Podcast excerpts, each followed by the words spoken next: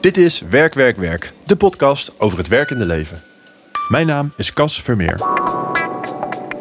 Vandaag ons internationaal debuut met niemand minder dan de Vlaamse Anne-Sophie van Haver.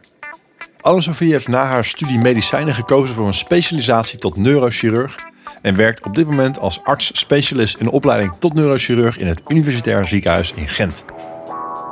We bespreken een baan waarin het dagelijks over leven en dood gaat en waarin spoedgevallen en nachtdiensten het ritme bepalen. Anne-Sophie laat zien hoe mooi en zinvol het is om mensen te mogen helpen, maar ook hoe lastig het kan zijn wanneer dat niet lukt. Vandaag de wereld vanuit het ziekenhuis.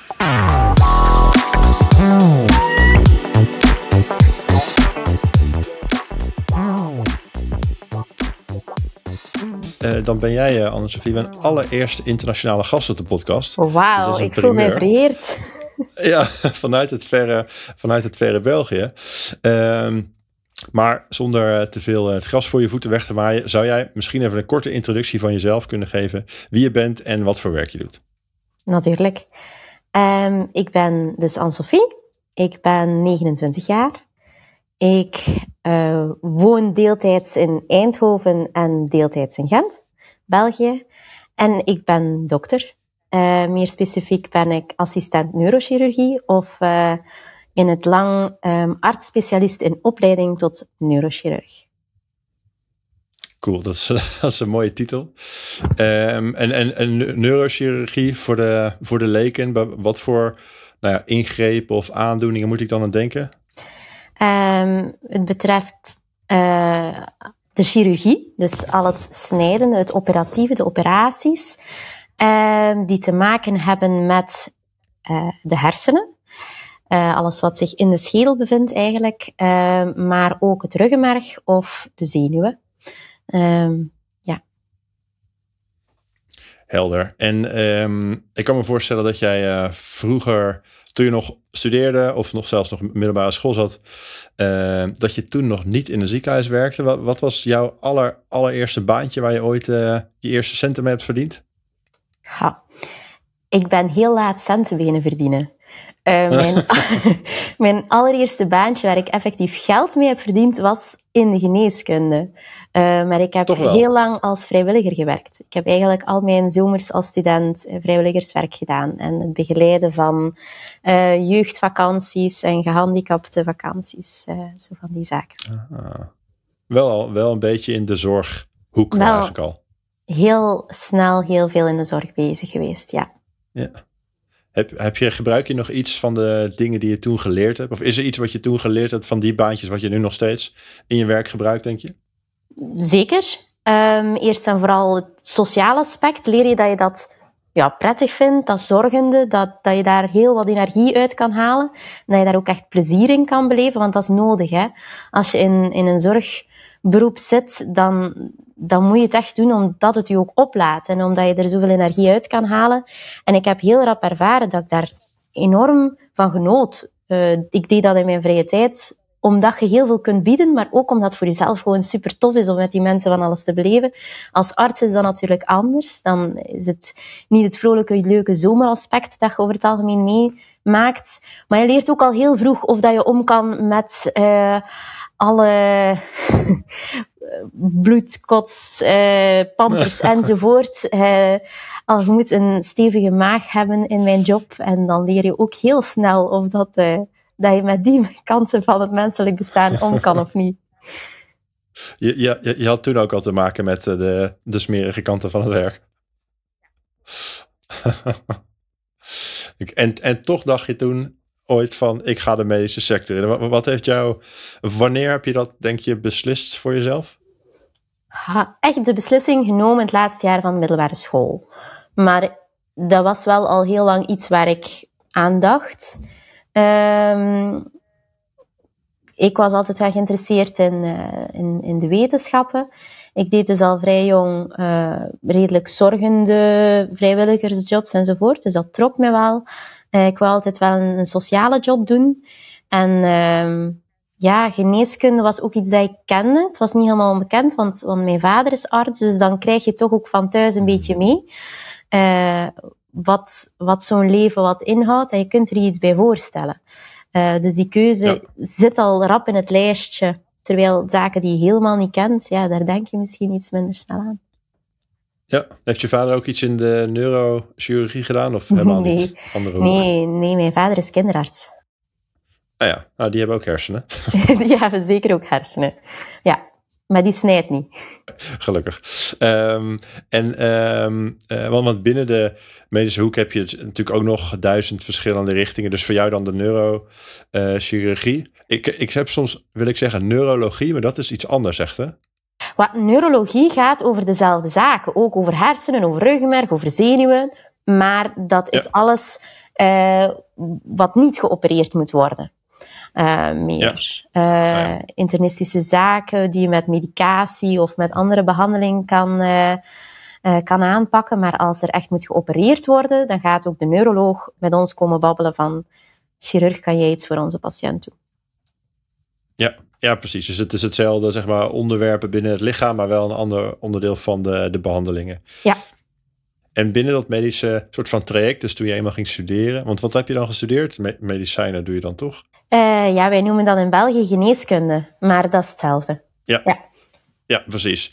Um, want daarbinnen, wanneer beslis je daarbinnen dan welk onderdeel van de geneeskunde wat uh, iets voor jou is? Uh, mijn opleiding bestond nog uit zeven jaar. Um, drie bachelorjaren, waarin dat je meer algemeen anatomie, fysica, biologie enzovoort krijgt. En dan vier masterjaren. En in de masterjaren ga je echt heel specifiek bepaalde vakken leren. En dan ga je ook veel meer stage doen. En de keuze bij mij moest genomen worden um, op de overgang tussen jaar 6 en jaar 7. Um, en de echte keuze voor mij om voor neurochirurgie te gaan, die is gevallen in het zesde jaar. Uh, na het volgen van de stages. Je weet dan ook wat meer, sowieso, je hebt alle theoretische basis gehad, je weet welke vakken interesseerden me meer dan andere. Um, ik wist vrij snel in mijn opleiding dat ik iets chirurgisch wou doen, hè, dus het opereren. Um, want dat zijn, ja, eigenlijk kun je het in twee grote zaken verdelen.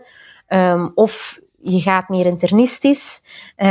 Dat betekent ja, een longarts of een maagdarmarts of, of ook huisartsen die, die ja, meer algemene ziektes met medicamenten en met andere therapieën gaan behandelen. Of je gaat meer naar het chirurgische.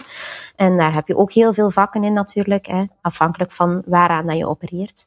En dan vond ik neurochirurgie natuurlijk het, het absolute toppunt. Uh, het meest interessante vak dat er was. Ja. En wat maakt het dan specifiek zo interessant? Ik vind de neurologie super interessant. Um, ja. Het is uh, ook een van de weinige um, organen in het lichaam die zo enorm uh, gekoppeld zijn aan de kliniek. In de zin, je kan als door een bepaalde tumor of wat dan ook, een deel van de hersenen niet goed functioneert, dan geeft dat een heel specifieke uitval, een heel specifieke klacht. Dus je kunt soms aan de hand van hoe een patiënt binnenkomt en een onderzoek op voorhand al herleiden van waar ergens anatomisch dat er een bepaald letsel gaat zitten. En dat is vrij uniek voor de neurologie. En, en dus ook voor de neurochirurgie. Uh, en dat heb ik altijd heel, heel fijn gevonden. Um, en het is een type chirurgie die heel nauwkeurig is, heel fijne chirurgie.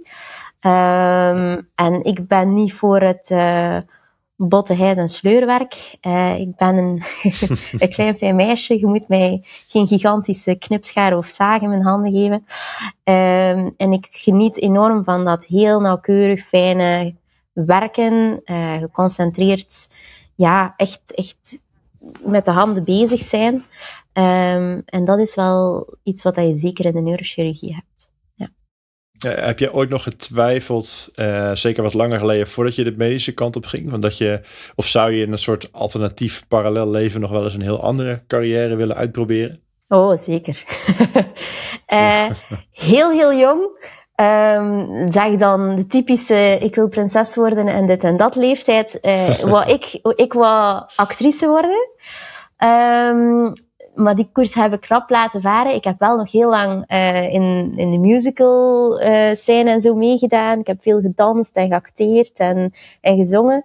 Maar dat was voor mij al snel duidelijk dat dat meer voor een hobby was dan voor een carrière. Zo goed ben ik niet in dat allemaal.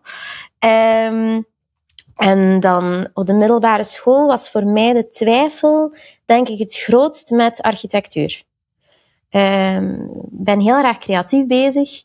En dat is toch ook iets dat mij altijd heel hard getrokken heeft. Ehm, maar ja, de keuze is dan toch voor geneeskunde geval. Ja. ja. En is, is uiteindelijk een, um, een neurochirurg, is dat ook een creatief beroep? Ik vind van wel. Maar niet iedereen zal het met me eens zijn. Maar op mijn, ik denk op mijn sollicitatiegesprek uh, voor mijn assistentschap neurochirurgie vroeg men ook van hey, waarom dan neurochirurgie en geen neurologie en waarom ga je voor opereren? En ga, ik, ben, ik ben altijd best een goede student geweest. Hè. Ik had niet zoveel moeite met, uh, met dingen van buiten leren. Ik haalde mooie cijfers en dat was altijd fijn. Maar ik ben altijd het meest trots geweest op wat ik maakte met mijn handen. Ik heb altijd heel veel getekend en geschilderd.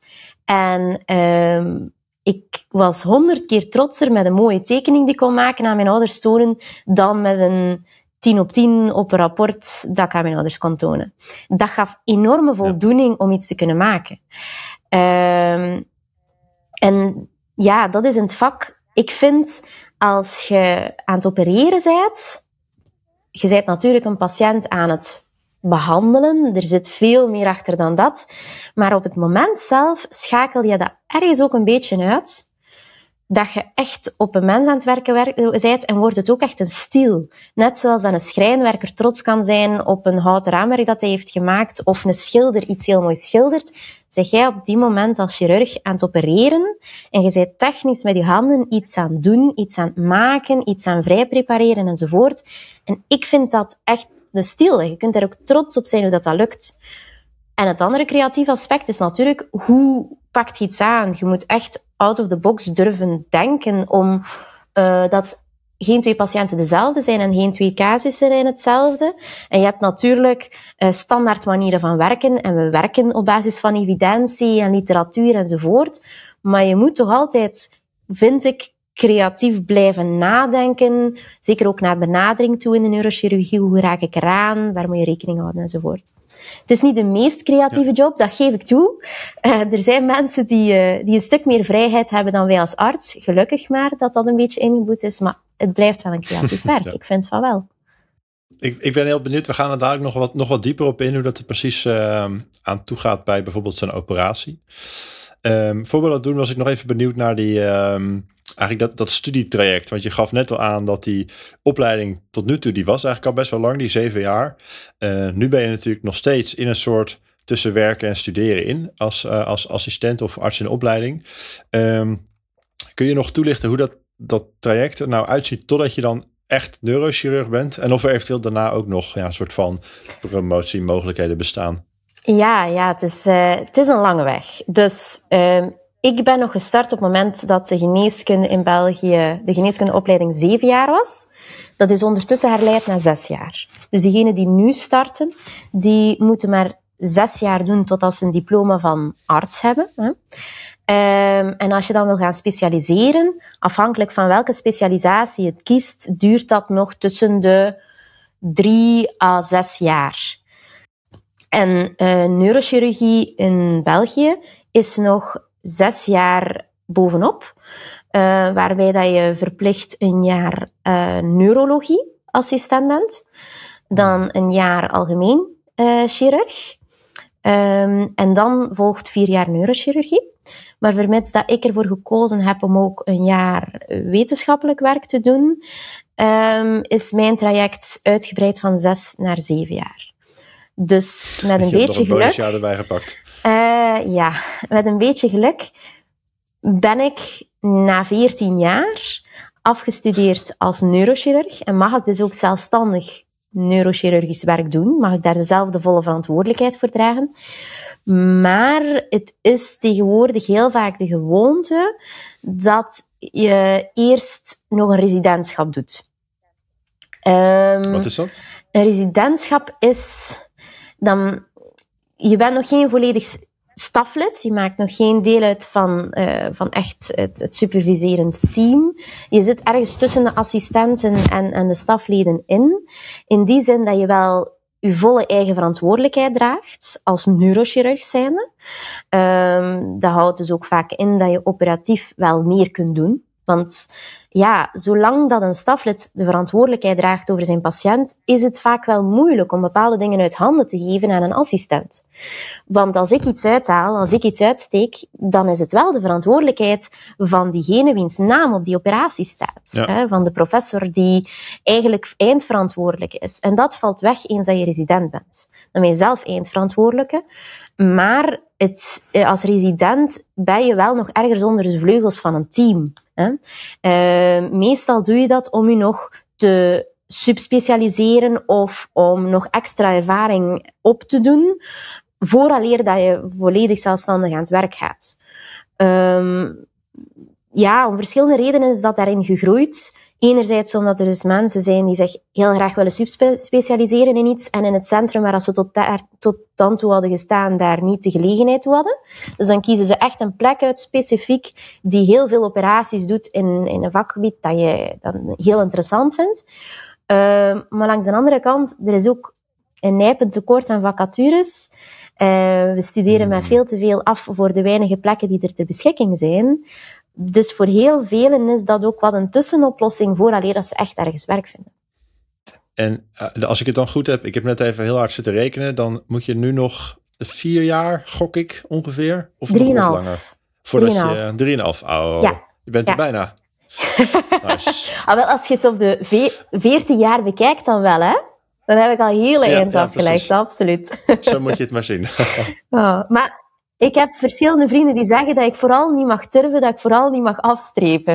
Je moet altijd eh, gewoon kijken in het hier en het nu en niet, voor, niet te lang gaan kijken van hoe moet ik nog.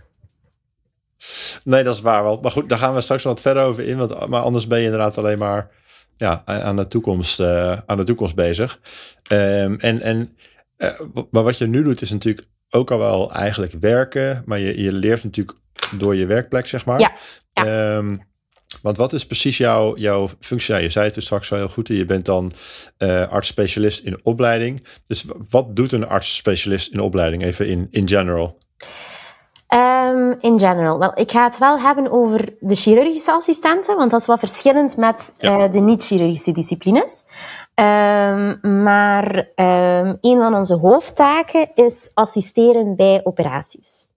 En als om het heel plastisch uit te drukken, als je um, als chirurg ergens aan het werken bent, um, dan wil je iemand die voor jou de wonden openhoudt, bij wijze van spreken. Of iemand die jouw draadje afknipt. En het begint met hele simpele dingen uh, om te assisteren. En naarmate dat je meer ervaring krijgt, kan je natuurlijk meer en meer en meer van die operatie zelf uitvoeren.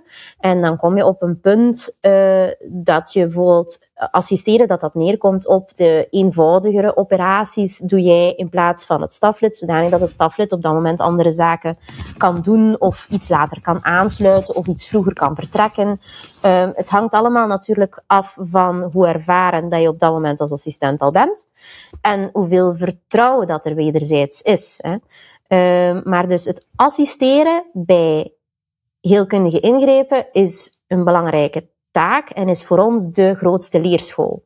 En zo leer je opereren. Maar als in ruil voor het leren opereren, doen wij heel veel van de taakjes die een arts minder graag doet. wij uh, maken de brieven op, wij doen de telefoontjes, wij um, doen zaalrondes, wij spreken met logopedisten, met kinesisten, met diëtisten, met verpleging.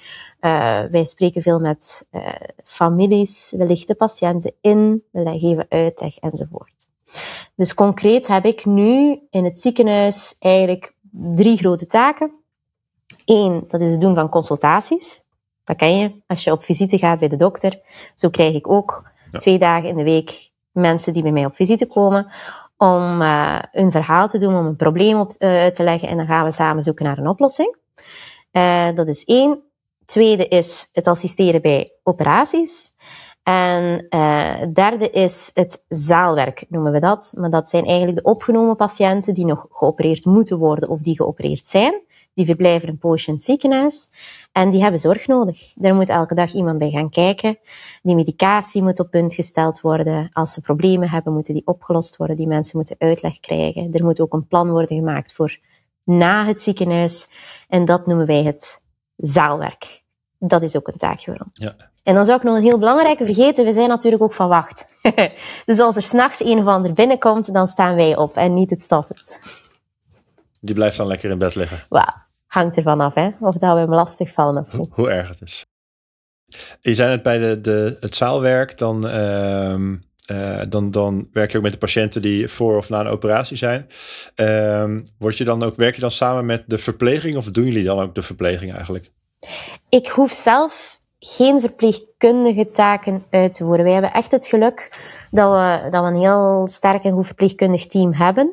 Dus het verzorgen echt, het, um, het wassen, het kleden, um, het eten geven als dat nodig is en zo. Echt die verzorgende taken, dat hoef ik als arts niet te doen. Heel eerlijk, daar hebben wij ook echt, echt de tijd niet voor. Dat kunnen wij niet doen op een dag. Uh, we werken wel heel nauw samen met de verpleging. Ik ga, als ik uh, mijn zaalronde doe, met uh, elke verpleegkundige, die heeft, elke verpleegkundige bijvoorbeeld vier, vijf patiënten onder zijn of haar hoede. Dan ga ik uh, die patiënten allemaal zien en dan ga ik die ook overleggen met de verpleging van hadden jullie nog vragen? Zijn er jullie dingen opgevallen? Zijn er nog zaken die ik moet aanpassen? Dus we werken heel nauw samen met verpleegkundigen, maar iedereen heeft zijn taak. En, en je zei net al even dat je ehm, ook wachten draait, een soort oproepdienst. Um, kun je iets vertellen van hoe jouw rooster er ongeveer uitziet op een, op een doordeweekse of een normale week, zeg maar? Wij zijn met drie assistenten op dit moment, dus dat betekent dat ik één op drie van wacht ben. Van wacht, dat betekent dat als er spoedgevallen binnenkomen, dat ik opgeroepen word. Dus ik hoef niet heel de tijd in het ziekenhuis aanwezig te zijn. Maar je krijgt veel telefoontjes vooral. Heel wat van de zaken kan telefonisch worden opgelost. Of tegenwoordig kan heel veel van op afstand, beelden en scanners en zo kan ik op van op afstand bekijken. Maar als er natuurlijk iets urgent is, en neurochirurgie kan al eens urgent zijn, um, dan moeten we ter plaatse gaan en kijken wat er aan de hand is en al dan niet opereren. En we zijn met drie assistenten om dat te verdelen. Dat betekent één op drie. Dus één keer om de drie dagen. En dat is dan meteen 24 uur. Dus de dag en de nacht. En ja, in principe, aangezien dat wij oproepbare wacht zijn, volgt daar geen recuperatietijd op. Dus ik werk uh, in principe vijf dagen van de zeven, van maandag tot vrijdag. En dan één op drie de weekend en dus één op drie de nacht. Maar er zijn vele nachten dat ik een groot deel van de nacht gewoon kan slapen hoor.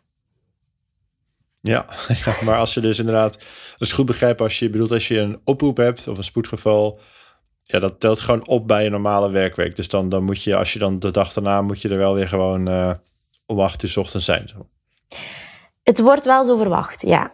Um, ik ga niet zeggen als er nachten zijn dat je een hele nacht lang staat te opereren, nadat je al een hele dag bent aan het opereren, er is ook een zekere collegialiteit. Hè? Dan zeg je, mannen, ik ben stik kapot ik doe nog even de overdracht en ik ga een dutje doen. En als er echt uh, hele knellende zaken zijn die dag waardoor je niet weg kan, dan ga je even slapen, kom je terug of doe je nog wat belangrijks en ga dan weg.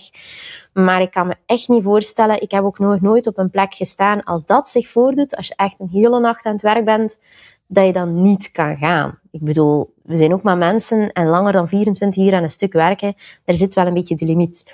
Maar ha, als wij um, een, een, normale nacht uh, uh, allee, wacht, wacht hebben, waarbij dat je, ik zeg nu maar iets, een keer of vier bent wakker gebeld en misschien één keer zijn moeten gaan kijken en een uurtje zijn bezig geweest en niet moeten opereren, ja, dan heb je geen gemakkelijke nacht gehad. Maar er zijn veel jonge koppels met kindjes die mensen evenveel wakker worden s'nachts en er ook de dag nadien staan. Dus... Uh, ja.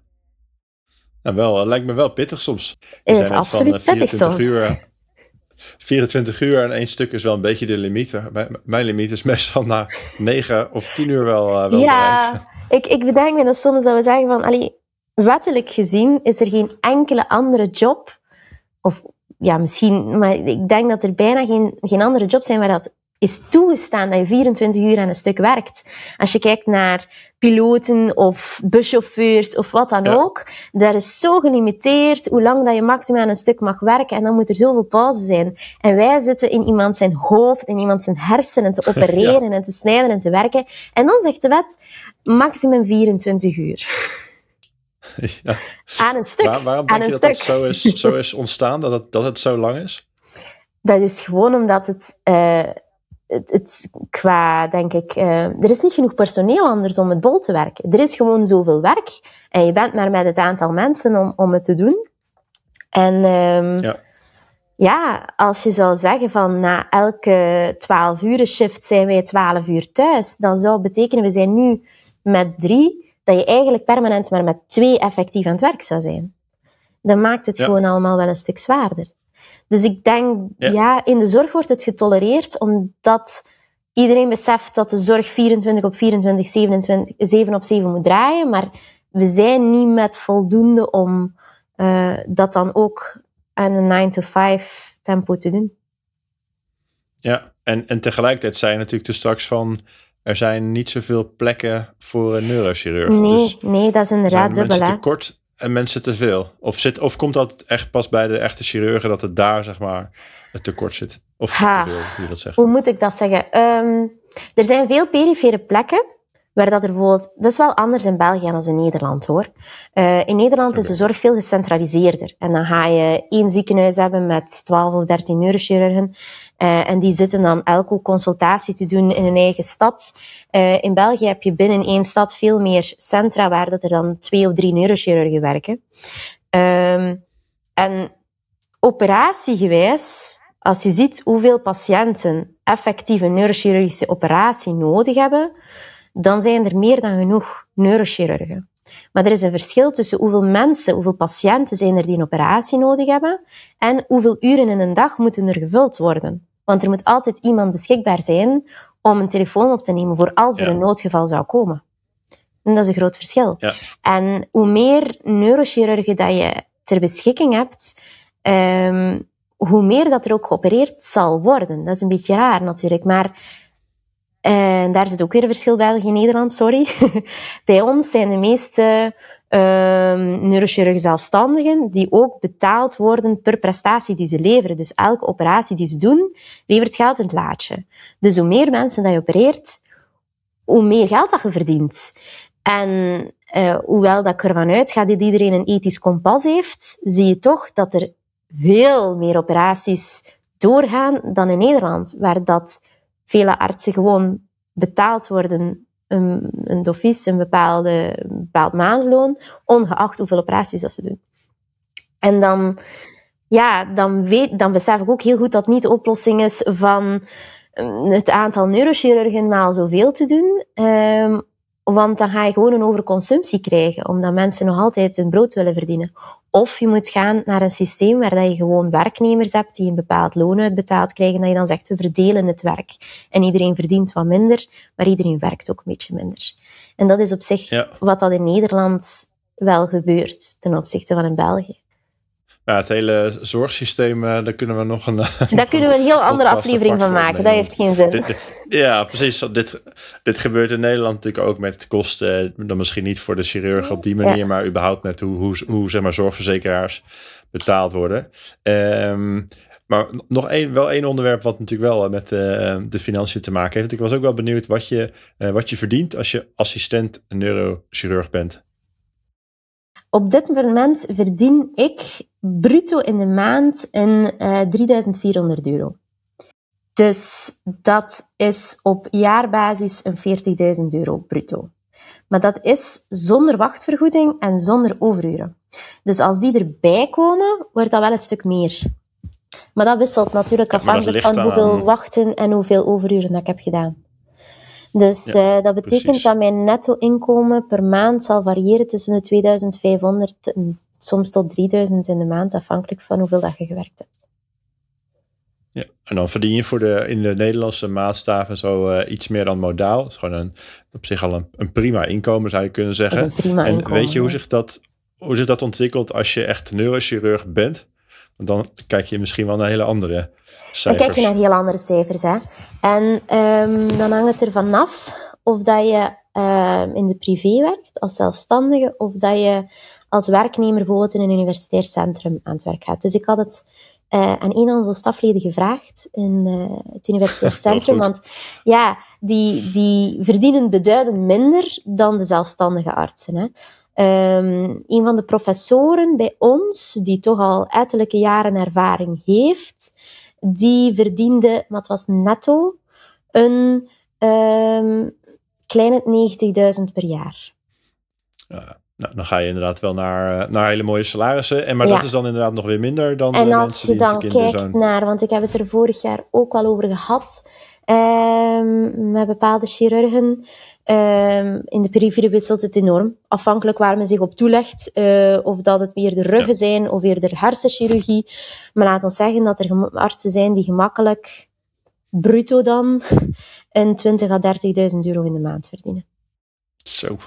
En dan spreek ik over België, hè, Cas. In Nederland moet je dat Is het misschien minstens anders? delen door twee. Ja, nou, ik kom naar België verhuisd en ik ga 16 jaar studeren.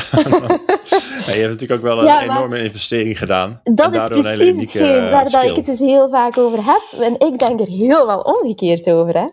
Ik wil best daar de helft van inleveren. Geen enkel probleem als ik dan maar 40 uur moet werken in de week in plaats van 80.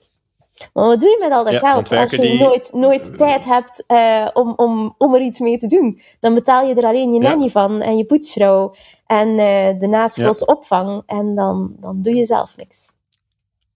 Want werken die, die eh, neurochirurgen die echt eh, ehm, helemaal alles af hebben gemaakt qua studie, werken die ook zo super hard? Sommigen wel. Sommigen wel. Ehm, ik ken er genoeg die veel uren kloppen. Ja. Ehm, die echt elke ochtend beginnen tegen half acht en niet vaak voor zeven, acht uur de deur uit zijn. En die ook vaak heel veel wachten doen. Ja hoor, ik ken er die heel hard werken. Ehm, Ja. en, en dat hangt er natuurlijk ook vanaf wat dat de drive is. Er bestaat wel een enorme ehm, oh, milieu, een enorme maatschappij, zo'n beetje in de, in de neurochirurgie van, van harde werkers en van eh, het is nooit genoeg. Hè. Er zijn altijd patiënten die vragen en er zijn altijd problemen. Het werk stopt nooit. En als het dan bovendien ook nog eens el- elke prestatie die je doet oplevert, is het soms ook moeilijk om daar een grens in te trekken, denk ik, voor sommigen. Ehm, allee, ik zie toch dat de uren die in Nederland gewerkt worden een stuk beter meevallen over het algemeen. Je kunt niet, niet iedereen vergelijken, maar daar, Mhm. daar, daar heerst er een iets betere, denk ik, balans tussen werk en ook nog vrije tijd. Ehm, en dat zie je ook direct terug bij ons in de, in de universitaire centra. Daar, daar zijn er ook velen die een veel betere balans hebben eh, en een, een veel betere werkweek qua uren hebben dan in de periferie. Maar ja, je Ja. kiest het uiteindelijk zelf als je zelfstandige bent. Maar het is vaak moeilijk om, als je maar met een paar bent, om die grens te trekken van waar stop ik en zeg ik nee tegen de patiënt. Ja. Ja, en het zijn natuurlijk ook, eh, ik weet niet of het bij jullie altijd spoedgevallen zijn, maar het is natuurlijk wel inderdaad als jij zegt, ik ga het niet doen en er is niemand anders die het gaat doen, Ja. dan ligt er wel een patiënt te, wachten doen. of misschien Ja. wel erger. Ja, Ja. Ja.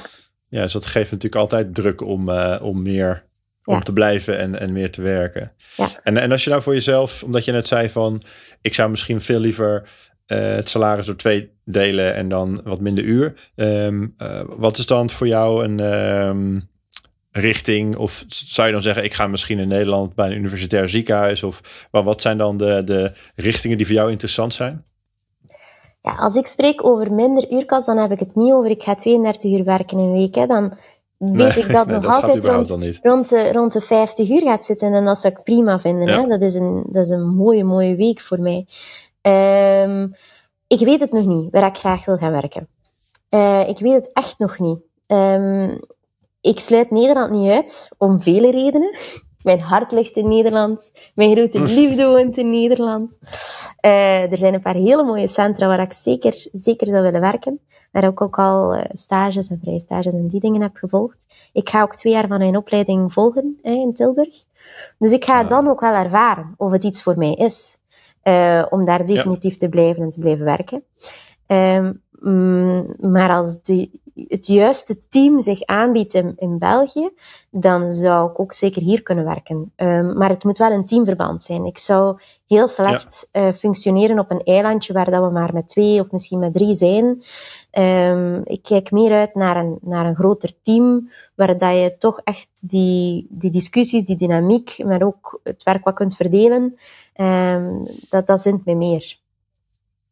Ja, en dat, ik kan me voorstellen dat dat inderdaad ook effect heeft op die werkdruk. Als het gewoon wat groter team is, kun je natuurlijk altijd wat iets egaler uitsmeren. Ja, dat klopt. Ja. Oké, okay, um, en dan was ik ook wel benieuwd om nog even heel concreet naar, um, ja, naar jouw leven in het ziekenhuis te gaan. Van zou, je, zou je me mee kunnen nemen in zeg maar gewoon een dag in het leven van Anne-Sophie um, als, uh, als assistent in neurologie? Zeker.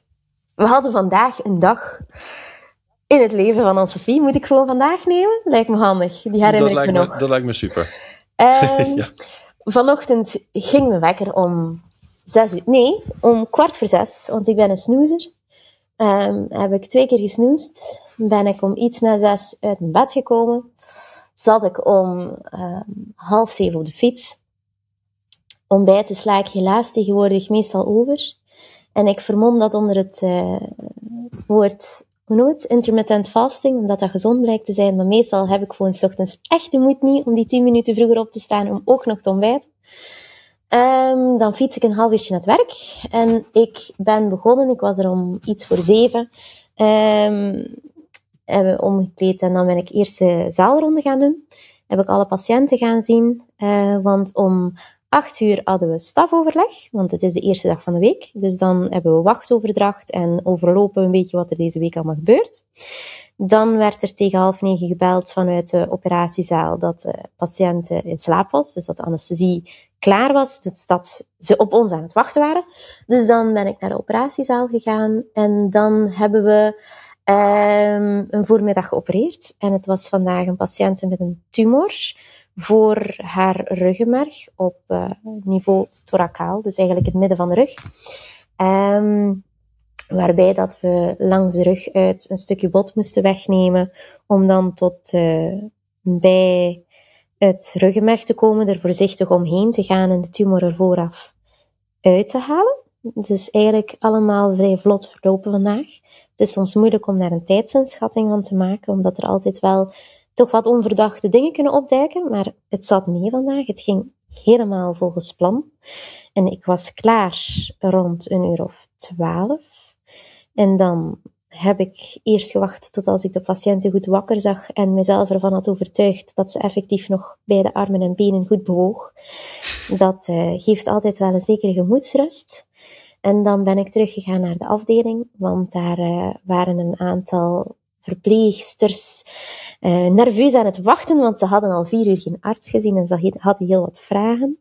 Um, en dan overloop ik meer op mijn gemak. Want normaal gezien als ik de zaalronde doe, dan neem ik meer tijd dan dat uurtje dat ik nu ervoor had gedaan. Dus nog eens bij een paar patiënten extra langs gegaan. Uh, heel wat administratieve zaken in orde gemaakt. Ik heb een paar families gesproken. Um, en dan heb ik ook een lang gesprek gehad deze namiddag met een jonge vrouw, bij wie dat deze ochtend de, een nieuwe diagnose was gesteld van een hersentumor. Dat zijn toch altijd gesprekken waar je even de tijd voor neemt. Um, en die ook, ja, dat je even de deur moet dicht doen, samen zitten en zeggen van kijk, nu word ik niet gestoord en nu hebben we het er samen over van hoe zit het, wat gaan we plannen, allee, wat volgt er. Um, en dan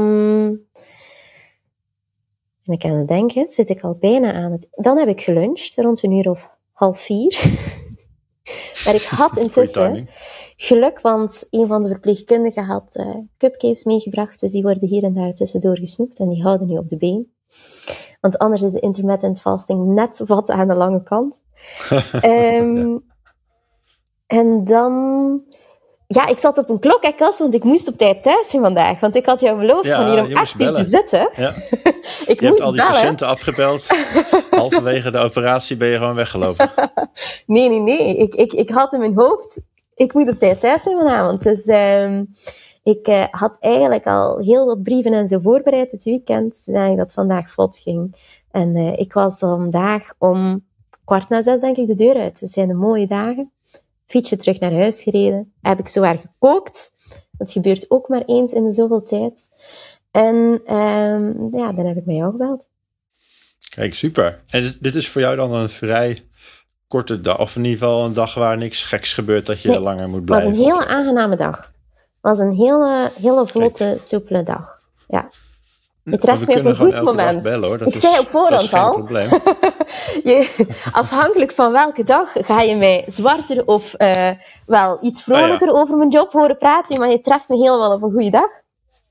Dat is gelukt. nou, we hebben speciaal voor de luisteraars een, een zonnige dag. Een zonnige dag, um, letterlijk. Maar wel, zo'n, ik, ik vond het wel um, zo'n gesprek als wat jij voert, omdat je, je zijn net twee keer zo'n voorbeeld met iemand met een tumor. Nou, dat maak je denk ik dan best wel veel mee. Ja. Dat is natuurlijk een hele serieuze um, aandoening voor de, voor de patiënt. Ja. Um, en je gaf ook aan dat je zo'n zo'n gesprek voert met iemand. Voer je zo'n gesprek eigenlijk alleen? Of word je, heb je daar nog een, zit de neurochirurg zelf daar nog bij? Ik voer die gesprekken meestal alleen, maar niet altijd. Um, hangt er een beetje van af. Op dit moment, um, de reden dat, er, dat er een chirurg bij is, is soms um, omdat die natuurlijk technisch veel meer ervaring hebben en soms veel beter kunnen antwoorden op vragen naar, die dan over de operatie zelf ook gaan en naar prognose en zo toe. vandaag ja. de chirurg die uh, zich over die patiënten zal ontfermen, stond nog te opereren deze namiddag. Hè. Dus heb ik het gesprek ja. uh, zonder gedaan. Maar wij doen heel veel van de familiegesprekken. En zeker de eerste diagnose en uitleg geven over scans en die dingen doen wij alleen. Als ik mij daar comfortabel bij voel en ik weet wat ik de patiënt wil vertellen en ik weet dat ik tegemoet kan komen aan vragen, dan ga ik met veel plezier alleen een gesprek aan. En ik zal ook altijd eerlijk communiceren als ik bepaalde zaken niet geheel weet. Hè. Ik heb het vandaag ook tegen die mensen gezegd, naar echt concrete planning, naar, uh, over chirurgie, um, dat ik dat eerst met de prof nog wou bespreken. En dat ik daar dus nu nog niet in detail ging op ingaan, omdat ik hun ook niet vandaag A wil zeggen en dat ze morgen B horen van iemand anders. Um, ja. Maar de meeste mensen aanvaarden wel, als je gewoon eerlijk communiceert van kijk, uh, ik wil hier nog over praten met iemand die meer ervaring heeft en dan komen we met een concreet plan bij u de meeste mensen hebben daar niet zo'n probleem mee. Ik vind het veel erger als je iemand acht, acht uur lang uh, laat wachten op een uitslag van, van een ja. scan, um, nadat ze s ochtends al slecht nieuws hebben gekregen, om, om, terwijl je het ook zelf kan melden en zelf al kan zijn voor die mensen. Ja, uiteraard. En, en dat, dat zeg maar slecht nieuws melden, is dat ook onderdeel van, van die gesprekken wel eens? En hoe, hoe, doe je, hoe, hoe heb je dat geleerd om dat te doen? Dat lijkt me best wel moeilijk. Hm. Um, eerlijk, dat is bijna een dagelijks uh, deel van mijn job, slecht nieuwsgesprekken voeren. Zelfs de gesprekken die ik misschien niet meer helemaal als slecht nieuwsgesprek zie, zijn heel vaak voor familie en vrienden wel, wel moeilijk te, te vatten. Hè. Ik heb vandaag in mijn slecht nieuwsgesprek waarover ik het heb, is dan iemand meedelen, uh, je hebt een hersentumor, maar ik heb evengoed een, een, een gesprek gehad met een, een familie van iemand die een maand geleden is verongelukt en nog steeds eh, gedeeltelijk comateus is. Um, naar van ja, we gaan misschien nog maanden moeten wachten vooraleer dat we enige interactie gaan kunnen hebben met uw broer. En ik kan dan niet voorspellen hoe het wordt. En we gaan een buisje moeten plaatsen in de buik om hem voeding te kunnen geven. Want het gaat nog minstens weken of misschien maanden duren vooraleer dat hij zelf gaat kunnen slikken. Dat zijn zaken die wij misschien zelfs niet helemaal meer als een slecht nieuwsgesprek zien, maar die dagelijkse kost zijn, dat is waar. Maar voor een familie is dat wel nog altijd een heel heftig gesprek. En als je vraagt hoe ja. leer je dat? Um, enerzijds denk ik dat sommige mensen communicatiever aangelegd zijn dan anderen. Um, maar er wordt wel veel aandacht aan besteed in de opleiding hoor. Uh, wij hebben tijdens de opleiding, denk van in de eerste master, uh, hadden wij lessen communicatie, waarin dat er ook rollenspellen waren met acteurs. Uh, En dat je dus echt, in het begin is dat gewoon leren een consultatie doen. En dan wordt dat een consultatie doen met een, zoals het mooi zeggen, lastige patiënt. een patiënt die niet wilt luisteren, of een patiënt die boos is omdat hij lang heeft moeten zitten wachten, of een patiënt die je moet uitleggen dat hij eigenlijk moet vermageren. Dat zijn zo van die moeilijkere gesprekken. En dan komen ja. de, de echte zware gesprekken, hè, van hoe belt je slecht nieuws. Uh, ja, en we hebben daar ook examens van. Hè. Dat is dus ook een, een, een acteerwerk. Hè. Dus dat is een, een praktisch examen waarbij dat je binnenkomt bij een acteur en dat moet je... En dan wordt puur gescoord op je communicatie, niet op uh, de inhoud van het verhaal. Nee. Dus er is wel aandacht dus heb je het voor. gevoel dat je heb je het gevoel dat je voor dat soort gesprekken gewoon goed, hoe zeg je dat, de goede tools hebt of de goede kennis, dat je daar nou, met zelfvertrouwen zo'n gesprek uh, in kan gaan? Ja. Ik heb nooit, wel, emotioneel is het soms dat je achteraf denkt, poeh, dat heeft wel even impact gehad. Maar ik zie er nooit echt tegenop.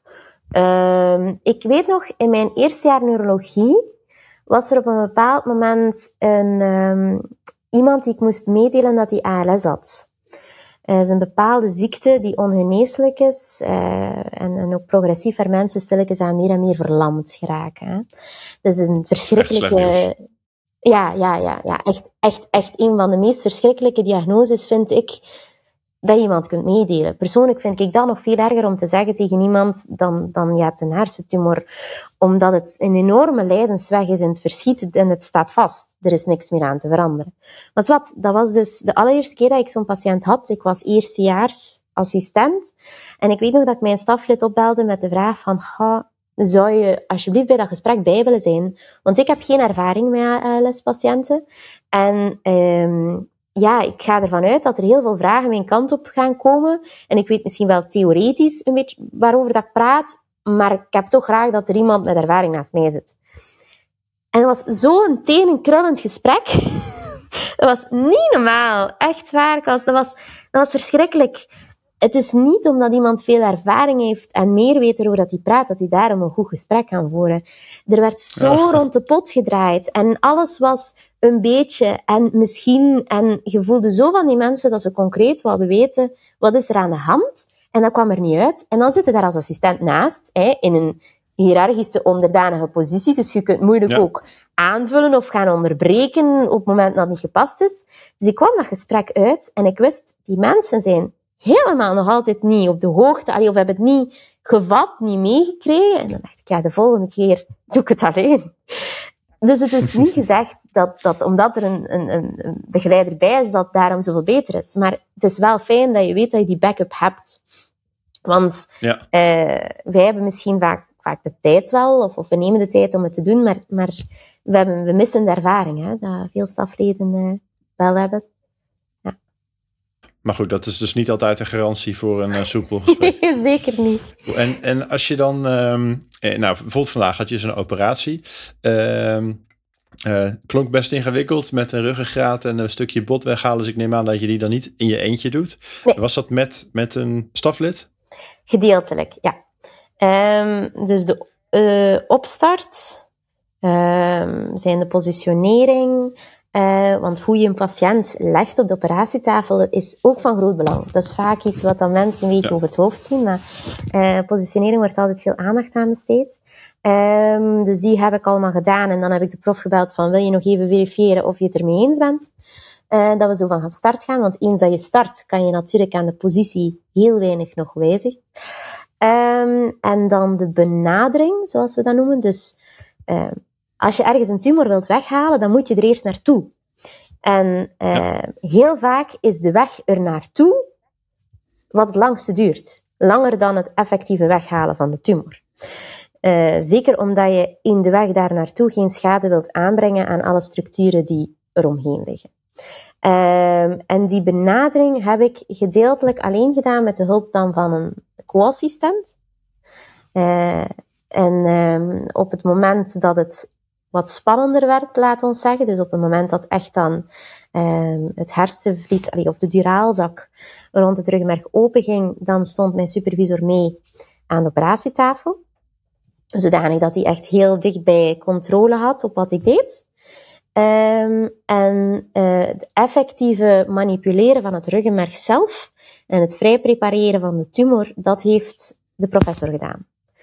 En eens dat de tumor er veilig uit was, um, dan heeft de professor het terug aan mij overgelaten om af te werken. Dus zijn het spoelen, het sluiten, het afronden van het geheel. En is die rolverdeling uh, met zo'n chirurg? Ik heb zeker vroeger wel eens verhalen gehoord dat dat uh, best wel hiërarchisch was. Uh, ook zelfs soms op het uh, niet-productieve af. Dat chirurgen ook niet luisterden naar opmerkingen van nou ja, het lagere volk, omdat ze een beetje op een soort rots leven. Ehm, is dat nog, nou, misschien is het niet zo extremer, maar heb je nog steeds echt zo'n hele duidelijke hiërarchie en dat, niet, dat er geen tegenspraak wordt geduld door de chirurg? Nee. Er is een hiërarchie, maar dat is ook nodig in een operatiezaal, omdat er, er moet heel duidelijk iemand leiden. Dat is voor de structuur en de orde en rust in een OK. Uh, en als de chirurg iets zegt, dan is er ook de gewoonte dat dat wordt gevolgd. Maar er is ook het is een teamwork. Hè? En het is, hiërarchie klinkt vaak heel, heel neerbuigend ten opzichte van wie dat er dan lager op de ladder staat. En uh, of ik het nu ben, of een verpleegkundige, of iemand van de logistiek. Um, als iemand iets opmerkt waarvan dat hij denkt, hey, dit is toch niet oké? Of, of is dit wel helemaal wat hij bedoelt? Dan moet het ook kunnen gezegd worden. Precies wat je zegt, anders is het contraproductief. En ik ben wel um, tot nu toe uh, opgeleid geweest in centra waar dat, dat echt mogelijk was. Um, zolang dat het met respect wordt gezegd en dat je ook een beetje aanvoelt wanneer bepaalde opmerkingen wel en niet gepast zijn, dat er echt naar elkaar geluisterd wordt. Maar het hangt wel een beetje af met wie dat je samenstaat. En je merkt heel goed dat ja. Uh, de mensen die misschien uh, al wat meer jaren ervaring hebben, soms iets moeilijker uh, of iets minder joviaal of iets minder gemakkelijk benaderbaar zijn dan, dan, dan de jonge garde. Maar dat is zeker niet bij iedereen ja. gezegd. Zeker niet. En werk je altijd met, met hetzelfde soort vaste team of wisselt dat heel erg? Um, er is een. Oh ja, er is een vast team, maar dat bestaat uit voldoende mensen, zodanig dat de samenstelling dagelijks eigenlijk anders is. Dus we hebben een verpleegkundig ja. team, ik denk dat daar een man of dertig in zal zitten, in de operatiezaal. Want die hebben wel uh, shift, uh, shiftwerk. Hè. Dus um, je hebt iemand die heeft de ochtendshift en de middagshift en de avondshift en de nachtshift. Um, en die wisselen elkaar af. Ook bijvoorbeeld smiddags, als er geluncht moet worden, dan gaat diegene die instrumenteert afgewisseld worden uh, door iemand anders die even in de plaats komt. De chirurg en de assistent die blijven wel hetzelfde natuurlijk. Je gaat niet als chirurg zeggen, ik ga even eten, kom even een collega in mijn plaats voortdoen. Dat is nogal moeilijk. Maar bij de verpleging is dat wel mogelijk, dus gebeurt dat ook. En we kennen elkaar ook wel allemaal, omdat dat een relatief beperkt verpleegkundig team is. Um, anesthesisten, daar zijn er heel veel van. Maar ook, ja, ik, durf niet te zeggen hoeveel dat ze in het UZ zijn. Uh, maar, maar je ziet veel dezelfde gezichten terugkomen. En uh, we zijn, ja, zoals gezegd, maar met drie assistenten, vijf stafleden. Dus ja. ja, je werkt heel vaak met elkaar samen. Hè? Maar het is niet een vast team met een vaste chirurg, een vast instrumentiste, een vaste assistent. Nee, er zijn andere plekken waar dat wel zo is. Maar bij ons niet. Oké. Okay. En ik voel me ook wel af, uh, zeker nu je nog in opleiding bent, dan um, doe je dus, als ik het goed begrijp, steeds iets meer van de handelingen. Dus je komt uh, steeds een stapje, ja. stapje zelfstandiger. Dat betekent ook dat je heel vaak een handeling voor het eerst moet gaan doen op een echte patiënt. Um, dus ik was benieuwd hoe, dat, hoe je dat voorbereidt en hoe dat voor jou voelt. En of dat misschien ook wel spannend is, dat je denkt van nou, ik hoop dat dit goed gaat. Um, het zijn verschillende vragen, ik had. Um, is het soms spannend? Ja, ja, absoluut. Uh, niet zozeer in mijn ervaring het technische ervan, want de meeste van die technische zaken heb je heel vaak gezien en heb je stapsgewijs al een keer geprobeerd, een keer de, het gevoel ervan ervaren, voordat je het echt zelfstandig alleen moet doen. Ik vind het spannendste op het moment dat er geen supervisie in de zaal is, dus dat je echt een casus zelf uh, voorbereidt. Ik ga nooit opereren zonder dat er iemand op de hoogte is. Hè. Dat, dat dat heel duidelijk zijn. Als assistent ga ik altijd, diegene die verantwoordelijk is voor de ingreep, moet op zijn minst weten dat we die ingreep doen. Ja. Dat is het minimumvereiste. En over het algemeen ga je ook duidelijk met die persoon communiceren van kijk, dit is voor mij de casus, ik denk dat we dit moeten doen, hè, dit is geïndiceerd, ben je het daarmee eens, hoe zou jou, jouw plan van aanpak zijn? En als het iets is dat we redelijk routinematig doen, dan kan je zeggen, ja, helemaal akkoord, doe maar. Hè. Uh, maar als je er dan staat, en je hebt zelf iets voorbereid, en je hebt zelf een plan gemaakt, en je gaat het dan zelf uitvoeren, dan blijft het toch altijd spannender dan als je dat doet terwijl iemand anders het plan heeft opgemaakt en iemand anders naast u staat. Um, in het begin ben je, ben je paranoïde, omdat je bij alles, dat, alle kleine dingetjes die gebeuren, eh, de anesthesist een keer schrikt, dan denk je al, oei, wat ben ik er aan doen? Is er iets mis met de patiënt? Eh, omdat je ineens echt die verantwoordelijkheid voelt. Uh, dat is zeker spannend. En de ene heeft daar meer last van dan de andere. Ik, ik, uh, ik ben er wel gevoelig aan. Van, van doe ik het wel goed? Doe ik de patiënt geen kwaad? Zelf al heb je iets misschien al tien keer gedaan met iemand die naast u staat. Op het moment dat je het doet zonder iemand die naast u staat, dan denk je soms... dan denk je over alles twee keer, twee keer langer na. hoe leer je dat? Zoals ik zei, stapsgewijs. Ehm, ik heb stagiaires naast mij gehad die ik een boorgat laat zetten. Dat ik ze de boor in handen geef en zeg, doe maar, boor maar een gat. En dan, ja, als je het gevoel hebt dat iemand uh, rustig, adequaat uh, handelt met goede voorkennis en goed zijn aandacht geeft en je staat ernaast, uh, en je weet ook van, als er iets gebeurt, kan ik gemakkelijk bijsturen, hè, um, dan heb ik daar ook niet zoveel problemen mee met iemand anders op te leiden omdat je zelf natuurlijk ook in een opleiding zit en voelt dat je het zo stapsgewijs moet leren. Natuurlijk, vertrouwen is traag gewonnen en is heel snel verloren. Hè. Ja, maar je hebt het dus wel, de meeste handelingen, uh, die kun je wel leren terwijl iemand dan echt goed meekijkt. En dan doe je ze later pas zelfstandig. Is ja, dat een goede meestal gaat het zo. En er zijn natuurlijk ook kadaversessies. Hè? Zaken die je kunt oefenen op, op ja. uh, lijken of op dieren. Um, maar eerlijk gezegd heb ik dat zelf nog niet vaak gedaan. Dat zijn ook, uh, ja, die worden niet super frequent georganiseerd en dat is vaak ook heel duur en zo. Dus het meeste leer je onder job, ja. op patiënten. Ja. En je zei net, vond ik ook leuk dat je op die, op die zaal, uh, als je op de zaal werkt, dan spreek je dus ook, of zie je of spreek je ook de patiënten. Je zei net volgens mij ook van, hè, dan kijk ik even of de patiënt, of die zijn tenen nog kan wiebelen. Dan weet ik dat ik in ieder geval uh, ja. niks geks heb gedaan. Um, want in hoeverre bouw je zelf nog een band op dat je die mensen spreekt in het hele traject? Of is het juist zo, misschien als je opereert, dat je je dan weer niet bemoeit met het nazorgtraject? Ik was benieuwd hoe dat, uh, ja, of je in dat hele traject een rol dan speelt. Dat is het mooie bij ons. Wij zitten in het hele traject, want wij doen en consultaties. Dus je ziet de patiënt de eerste keer dat hij met een klacht komt. Wij doen en de operaties, dus je opereert mee, of soms ben je zelfs degene die een groot deel van het werk doet. Maar vaak in mijn geval is het nog mee opereren. Hè. Um, en je doet het zaalwerk, dus je volgt de patiënt ook op. En vele patiënten verwachten dat ook. Hè. Als je bij een bepaalde arts gaat um, en, en, en die stelt een bepaalde diagnose en zegt, kijk mevrouw, we gaan u opereren. Um, en je legt heel die operatie uit dan bouwt een zekere band op. En soms bij eenvoudige dingen kan dat in één consultatie afgesproken worden. Maar ik heb mensen, um, ik ga vrijdag een patiënt opereren met een hersentumor. Sorry dat dat woord zo vaak valt. Dat is zo in neurochirurgie. Hè? Um, en ja. dat zit op een zeer vervelende plek in de hersenen. En um, zodanig, dusdanig dat als we daar gaan opereren, dat ze daar sowieso een belangrijke handicap aan gaat overhouden. En dat is een dame die ik op twee weken tijd drie keer heb op consultatie gezien. En consultaties die soms tot anderhalf uur hebben geduurd. Omdat dat echt uitermate belangrijk is hoe goed dat die patiënten op de hoogte zijn en dat ze bereid zijn om zo'n risico te nemen. En die zitten met honderd en één vragen en dan neem ik daar ook mijn tijd voor. En dan bouw je, of dat je het nu wilt of niet, een band op met zo iemand. En dan verwacht die persoon ook op het moment dat hij zich aanmeldt op ziekenhuis voor de operatie, dat je nog eventjes binnenspringt om even te horen van, kijk, morgen word je geopereerd. Is alles oké? Okay? Zijn er nog vragen? En, en dan ben je zelf natuurlijk ook graag bij die operatie bij. Of dat je nu het grootste deel doet of niet. Hè? En als je een operatie meedoet en als je een patiënt kent, ik denk dat ik voor mijn collega's ook mag spreken, dan zullen wij zelf ook altijd die patiënt nadien nog even willen zien. Uh, je gaat, ja. Natuurlijk kun je niet altijd alles doen, vandaar dat er een rolverdeling is. En ik doe niet elke dag alle patiënten van de afdeling. Dat gaat niet. Je kunt dat niet allemaal combineren. Maar de patiënten die ik mee heb geopereerd, die probeer ik toch elke dag eventjes te gaan zien. Of minstens om de twee dagen. Of In het slechtste geval hoor ik even bij mijn collega van, en hoe doet die patiënt het? Is die oké vandaag?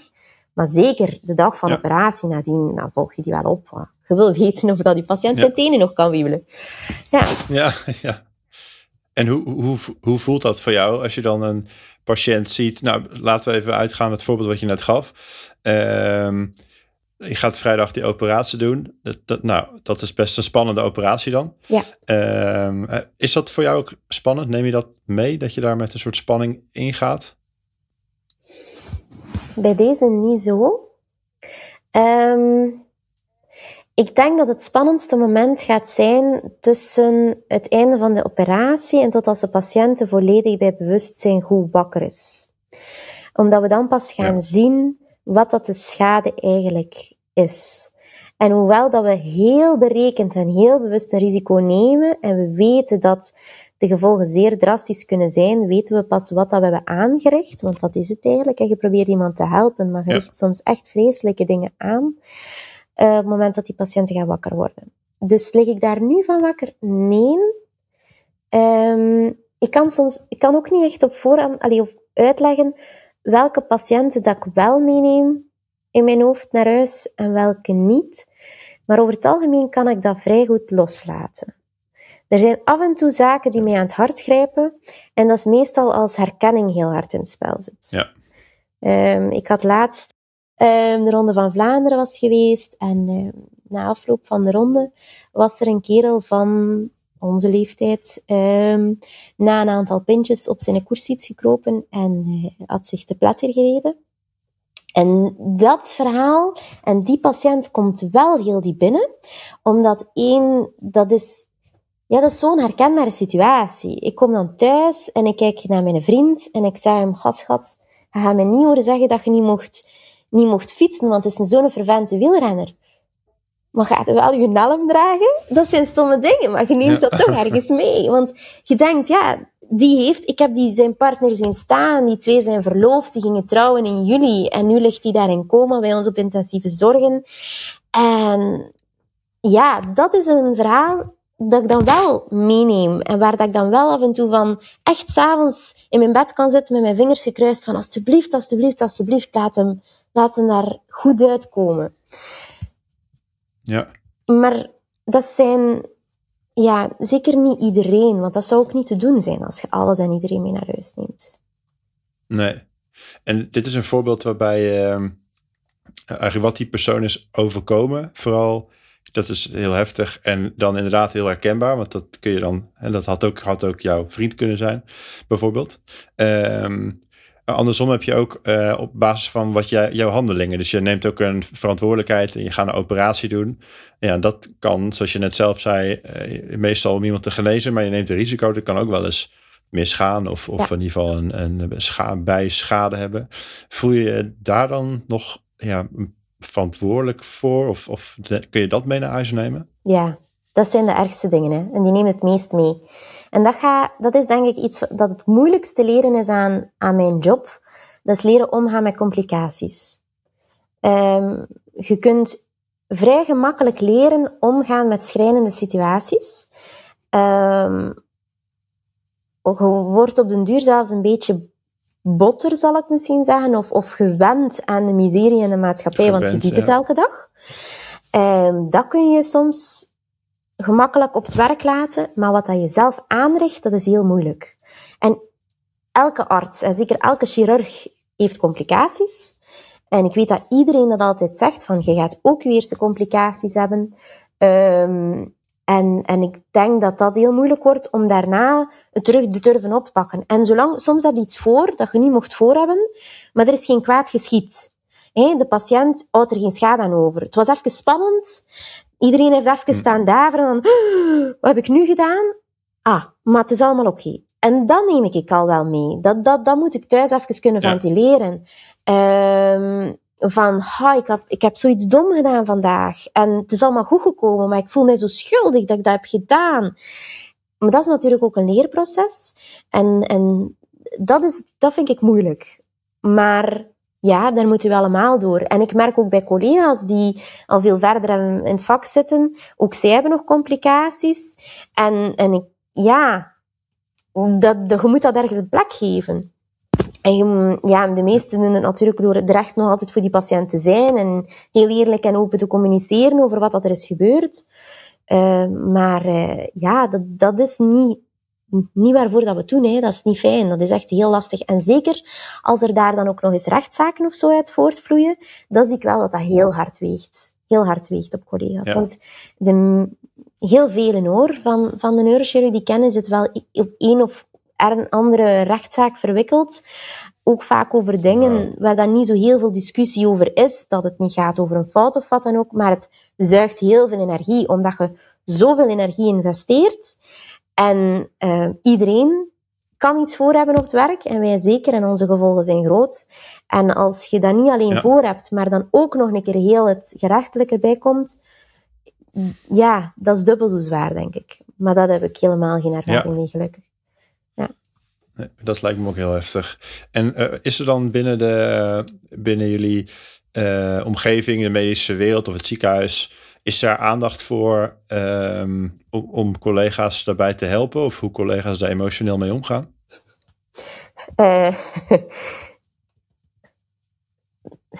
ja, hoe moet ik daarop antwoorden? Um, afhankelijk op welke plek dat ik heb gestaan, is de mentaliteit daar rond heel anders. En de ene werkplek uh, een veel grotere macho-cultuur dan op een andere. En uh, dat is een van de zaken die dit jaar uh, die mij veel werkplezier kosten. Omdat ik heel vaak het gevoel heb dat iedereen een façade ophoudt. Iedereen doet alsof hij het perfect onder controle heeft. Um, alles in de hand, alles weet. En terwijl dat ik dan van binnen aan soms aan het instorten ben, of soms denk van help, ik kan het niet, ik ben moe, ik wil slapen, ik wil naar huis, weet ik veel. En je kijkt onder u en niemand geeft een kick en iedereen doet alsof dat de normaalste zaak van de wereld is. En daar kan ik niet goed tegen. Ik heb dan liever dat je een keer even kunt klagen tegen een collega die zegt, oh ja, echt waar, ik had ook een baaldag gisteren. Voor mij is dat gezond. En dat hangt er enorm van af van in welk ziekenhuis en in welk team dat je staat, of dat dat gaat of dat dat niet gaat. En uh, ja. ja. vorig jaar had ik dat enorm wel. Dat was een heel, hele toegankelijke, fijne werksfeer, uh, waarin dat er ook heel veel ruimte was om te praten over, over je persoonlijke sfeer, als je dat wou. Hè? Er waren collega's met ja. jonge kinderen die ook gewoon konden ventileren op het werk over het feit dat ze ochtends een half uur in de regen aan de crashdeur hadden staan wachten omdat ze op tijd op het werk moesten zijn, maar die, de dame van de crash was er nog niet enzovoort en dan te laat. Dat zijn zaken, je neemt dat mee, want je komt helemaal opgedraaid op je werk. En als je dat even kunt uitspreken, dan is dat weg. En dan doet dat deugd. Maar ja, ik zit op dit moment niet in een omgeving waar, uh, waar dat er echt veel over de persoonlijke sfeer wordt gebabbeld. Ik ben al blij als ik een goede morgen krijg af en toe. Ja, nou, klinkt, klinkt gezellig. En als je die, uh, want die, die um, wat je net zei, is, is ook meer uh, in de breedte. Dus dat je überhaupt een beetje moeite doet om elkaar te begrijpen hoe het met je gaat. Ja. Um, maar, maar, zeker dat stuk uh, emoties mee naar huis nemen naar een operatie. Dat, want die operatie heb je met z'n allen gedaan. Dus dan, dan kan ik me voorstellen, dan is het natuurlijk eh, helemaal raar als, als je alle, bij wijze van spreken, alle vijf wegloopt. Eh, zo van nee hoor, was prima. En dan eigenlijk allemaal denkt van, oh jee, hebben we het wel goed gedaan of zo. Als er echt iets misgaat, dan heb ik wel de gewoonte dat met de arts of een persoon die erbij was na te bespreken. Omdat ik dat nodig ja. heb. Maar dan neem ik daar wel vaak het initiatief in. Gewoon om nog eens op een rijtje ja. te zetten van wat is er precies gebeurd en wat hadden we eventueel al dan niet anders kunnen doen? En vooral, hoe gaan we verder? Hè? Wat, moet er, wat moet er nog gebeuren? En ik voel ook, als ik uh, ze alleen een bepaalde ingreep heb gedaan en iets is niet helemaal gelopen gelijk dat ik het wou, zal ik ook altijd iemand opzoeken um, van de meer ervaren artsen om, um, om dat te vertellen. Dat klinkt zo raar, van ja. oh, ik heb iets uitgepeuterd en ik moet drie, vier mensen gaan zoeken om even aan te vertellen dat ik iets heb misgedaan, maar dat helpt wel ergens. Eén, omdat ik zeker niet de, de indruk wil wekken van dat ik iets wegmoffel natuurlijk, maar vooral omdat je daaruit leert. Hè?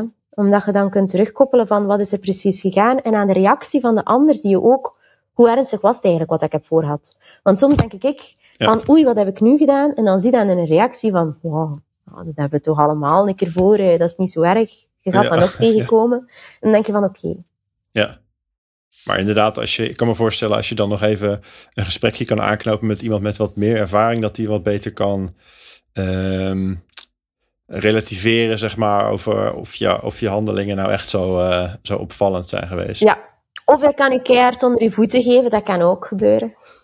Ja, ja dat is waar, maar dan was het nodig. Ja, ja dat is af en toe ook nodig natuurlijk. Hè. Ja, maar het klinkt wel als heel verstandig dat je dat voor jezelf organiseert. Het is natuurlijk normaal gesproken, of normaal gesproken, bij andere banen is het altijd zo van ja, fouten maken mag. Maar dan als je er maar wat van leert. Maar dat is natuurlijk gewoon wel echt anders of echt lastig in de, in de zorg. En zeker als chirurg. Ja, maar we proberen, meteen, we proberen uh, zoveel vangnetten te voorzien dat je ook nog steeds wel hier en daar een fout mag maken. Iedereen denkt altijd, elke fout die wij maken is cruciaal, maar dat is niet waar. Ja. Je werkt in team. Ik hoor dan meteen zo piep. En, uh... ja, maar ik heb, ik heb afgelopen week tijdens een operatie effectief zo'n piep gehoord. En we hebben met z'n allen toch terug oh, piep, piep, piep van gemaakt. Dus oh. het, komt, het komt soms goed. Lijkt me doodeng. um, maar uh, je bent een teamverband. En stel, ik breng medicatie in. En ik breng een foute dosis in dan denkt de standaardpatiënt, er gaan hier doden vallen. Maar eerst en vooral is er een computersysteem dat van die rare uitlaaiers gaat alarmeren.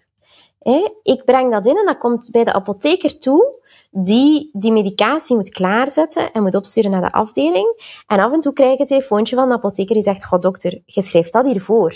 Klopt dat wel? Want normaal gezien wordt dat maar, ik zeg maar iets, wekelijks gegeven en jij hebt dat elke dag voorgeschreven. En dan kan ik zeggen, oei, dat was een verkeerd hokje aangevinkt. Dat was een vergissing. Goed dat je het opmerkt.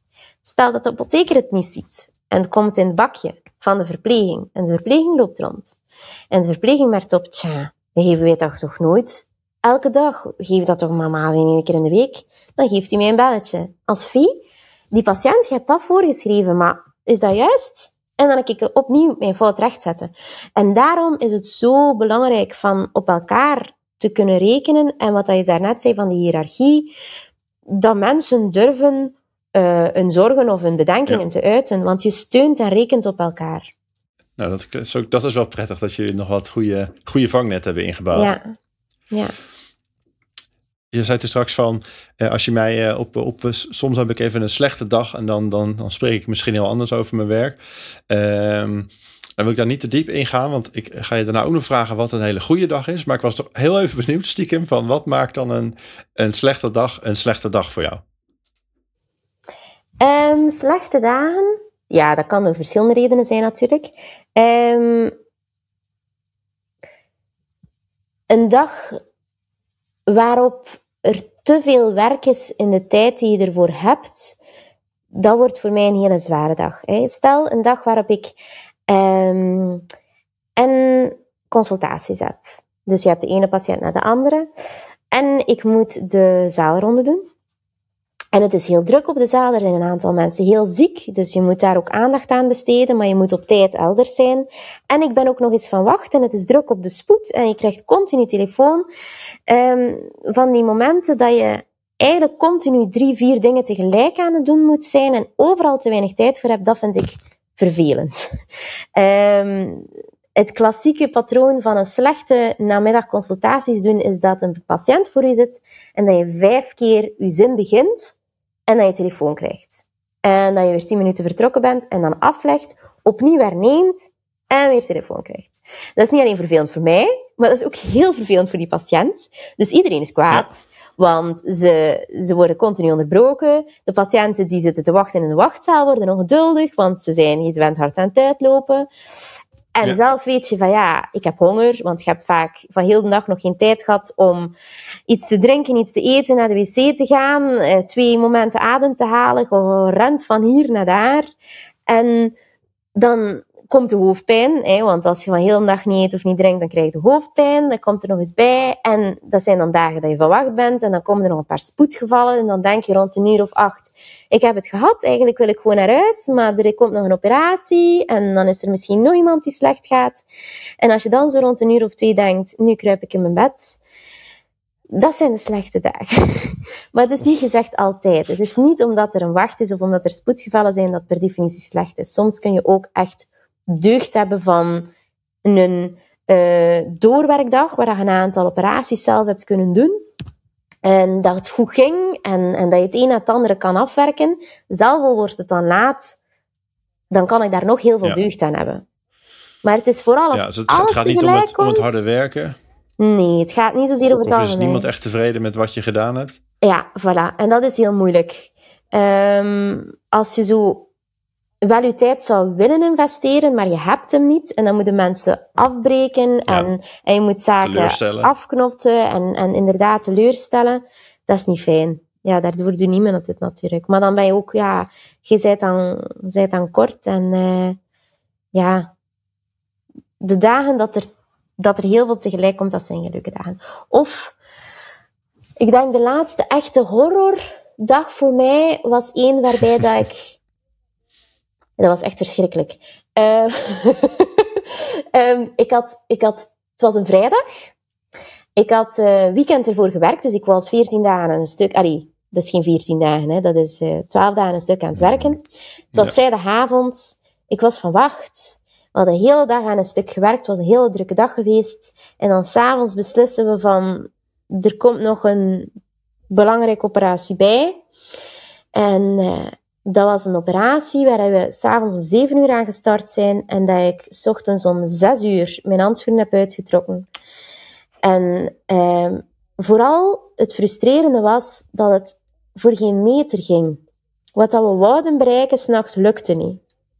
En hoe meer dat we probeerden, hoe minder dat het lukte en hoe vermoeider iedereen werd.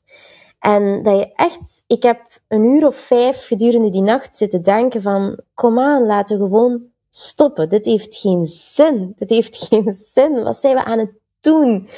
En um, ja, dan stap je helemaal niet tevreden zo'n operatiezaal uit. Ik was stikkapot. Um, ja, dat was, dat was echt, echt een, een, een moment dat ik ook gewoon ik was zo moe die nacht. Dan sta je aan die operatietafel, je staat door die microscoop te kijken en af en toe valde gewoon staand in slaap. Ondertussen is in de hoek de anesthesist wel zo'n dutje aan het doen. En dan kijkt hij jaloers van, tju toch, die kan wel slapen en ik niet. dan begint de verpleging over, ik heb eigenlijk goesting in frieten. Maar je hebt ook goesting in frieten, maar je, je hebt geen tijd en alles is al dicht tegen dat moment. Dus dat zijn echt van die nachten dat je ook niet meer helder nadenkt, omdat het te lang te heftig is. Dat zijn ook horrornachten. Ja, echt onvoorstelbaar vind ik dat als, als, als buitenstaander, zeg maar, dat je dan inderdaad de hele nacht door moet opereren en je bent doodmoe. Het, het ik zou ook niet graag de patiënt willen zijn als iedereen nee. om, om vijf uur s ochtends op zijn laatste tandvlees aan het, aan het opereren is. Laat me heel duidelijk zijn, Kas, dat zijn ook enkel en alleen dat je dat doet uh, in noodgevallen, wanneer dat, dat nog altijd de betere optie is voor de patiënt dan iets anders. Ja, dan niks Want um, als er cruciale operaties zijn, gaan we altijd proberen van die te laten doorgaan op een moment met optimale bestaffing. Hè? En niet alleen dat, want als je s'nachts opereert, zijn je sowieso al met minder. Hè? Uh, en iedereen is vermoeider, iedereen is het zijn doen. Uh, dus we hebben wel eens dat we vrijdag iets binnenkrijgen en dat we denken van, weet je, als we moeten kiezen tussen nu vannacht opereren of morgenochtend, dan plannen we het, tussen aanhalingstekens, hè, in spoed op zaterdag. Maar dan liefst overdag. Iedereen heeft een dutje kunnen doen, iedereen heeft kunnen slapen. Maar soms gaat dat niet. Als het gewoon moet, dan uh, dat hoort ook bij het werk natuurlijk. En ik had natuurlijk ook beloofd om uh, dan ook te vragen wat dan uh, echt bij jou allermooiste dagen zijn. en ik was gewoon benieuwd, ehm, ja, van, van wat krijg jij nou het, het beste gevoel uit je werk? Of geeft je echt weer die, het geloof van daar doe ik het allemaal voor? De allermooiste dagen, dat gaat nu heel egoïstisch klinken, maar zijn de dagen dat je het meeste terugkrijgt van de patiënten. Um, dat zijn de dagen dat je het gevoel hebt dat de mensen die buiten gaan, buiten gaan met een gevoel van: oké, ik ben geholpen. Uh, en ze moeten daarom niet zeggen dank u wel dokter, maar je merkt dat aan mensen. Dat ze tevreden zijn um, met wat dat er is gebeurd of wat dat er gepland staat. Of soms helemaal niet over wat dat er allemaal gebeurt, maar tenminste met een uitleg die ze erover krijgen. Uh, dat zijn de beste dagen. En dat kan voor mij persoonlijk zowel een consultatiedag zijn als op een zaaldag, als met elkaar. Ehm, het is natuurlijk als assistent zijn altijd een hele verwezenlijking als je iets nieuw zelfstandig hebt mogen doen in de operatiezaal en dat gelukt is. Dat zijn mijlpalen voor jezelf. dan kun je thuiskomen en zeggen, ah lief, ik heb uh, vandaag dit of dit mogen doen. En dan zie ik hem wel zo wat bleek wegtrekken thuis. En dan denk ik, ja, ik weet het, je hoort dat niet graag, maar ik wou toch even trots zeggen dat ik dit of dit heb mogen doen. Ja, dat zijn ook leuke momenten. Het klinkt wel alsof uiteindelijk de, de drijfveer wel heel erg zit in eh, mensen kunnen helpen. Is, is dat voor jou ook de, de kern van de, de, de, de purpose of zeg maar de, de zingeving in dit werk? Het is misschien niet de reden waarom dat ik begonnen ben, maar het is wel de reden waarom dat ik voortdoe. En wat was ook alweer de reden dat je begonnen was? Remind me. Goed, je kan het me honderd keer vragen, maar ik kan je dat heel moeilijk uitleggen. Ik denk op een bepaald moment moest ik een beslissing nemen, wat ga ik doen? En dat boeide me wel, dat interesseerde wel. Ik dacht dat ik het ging kunnen en ik dacht dat ik het graag zou doen. Maar ja, hetgeen wat dat, dat erin... Want ik denk dat dat ook wel een beetje blijkt uit het gesprek nu. Het is geen gemakkelijk leven, Kas. Je moet er heel veel voor opgeven. Je moet er heel veel voor over hebben. Um, het domineert soms echt je leven. Het werk is... Ik ga altijd zeggen, mijn relatie is mijn prioriteit. Maar als je het echt praktisch bekijkt in mijn leven, is mijn job mijn prioriteit. En mijn relatie, ik heb daar het geluk mee dat die zich daar heel hard naar wil aanpassen. Um, dus je moet heel veel opgeven, klinkt het misschien. Hè? Uh, je, je, past er heel veel naar aan, dus je moet altijd wel redenen hebben om het voor te doen. En dat is de energie die je eruit krijgt. En de energie die je krijgt, dat is echt gewoon, oké, trots op technisch wat dat je presteert, maar ook wat dat je van de patiënten terugkrijgt. Voor mij is dat heel belangrijk. En ik heb ook ervaren op momenten dat dat lang niet gebeurt, dat zijn ook de momenten dat je er zo wat door kunt zitten. Uh, als je zo denkt, iedereen is ontevreden of er zijn heel veel klachten. Ja, precies. Je doet niet goed, dan denkt je soms echt, ja, waarvoor doe ik het? Sorry jongens, ik doe keihard mijn best. Ik werk hier 70 uur in een week. Ik ben ook al op van zo laat. Ik ben drie dagen van, van de week niet thuis in mijn bed geweest. En jij bent nog niet tevreden, terwijl ze soms echt reden hebben om niet tevreden te zijn. Maar dat je denkt, ik ben ook maar een mens. Ik doe ook maar mijn best. En dat zijn, dat zijn momenten dat je echt uh, er wat door kunt zitten. Ja. Ja, ja, mooi. Ik, ik vind wel de. Ik kan me voorstellen dat de. Uh, ook voor deze podcast spreek ik met mensen die heel verschillend werk hebben. En sommige, voor sommige mensen is hun soort van zingeving best een opgave. Van waarom doe ik dit werk nou eigenlijk? Of dat de mensen die werk doen omdat ze het nou eenmaal jaren doen en dan uh, niet zo goed weten wat, eigenlijk het nut ervan is of zo. Maar ik, voor mijn beeld, hoe jij het nu vertelt, is, is jouw beroep wel daarin eigenlijk extreem helder. Want het is wel, je, helpt mensen. Uh, het lukt misschien niet altijd, maar over het algemeen uh, zijn mensen uh, daar heel blij mee. Dus ik kan me voorstellen dat het wel heel prettig is om heel duidelijk te voelen dat je zeg maar even, ja, flauw gezegd, iets goeds doet met je tijd en je leven. Dat is waar. En je, binnen je carrière. Ja, dat is ook het, de reden, denk ik, dat wij zoveel uren doen hoor.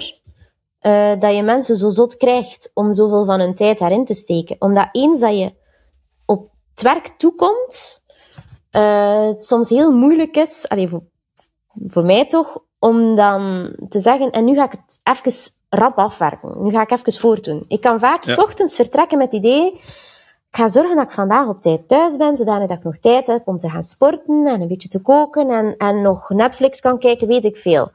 Um, en al eens dat je op het werk toekomt, dan verdwijnt dat gelijk. Dat is een nieuwe wereld, dat is een andere omgeving.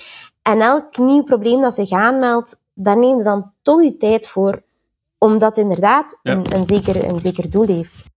Ik was nog wel benieuwd, um, als je nou um, uh, kijkt naar de, beetje naar de toekomst. Um, ik weet niet of je uh, gezinsplannen hebt. Waar is dat uh, voor jou of meer in general op een manier te combineren met het leven als neurochirurg? Of zijn er misschien andere ja, rolmodellen of vrouwen die dit werk doen? Of mannen, dat kan natuurlijk tegenwoordig ook, die daarbij uh, uh, nou, ruimte maken in hun werk voor een, uh, voor een gezin en voor kinderen? Dat is voor mij, ik denk sinds een jaar of twee, echt een beetje een zoektocht in mijn hoofd ook, hoe dat we dat gaan combineren. Uh, tot nu toe was het altijd meer de vraag, hoe combineer ik het met een relatie?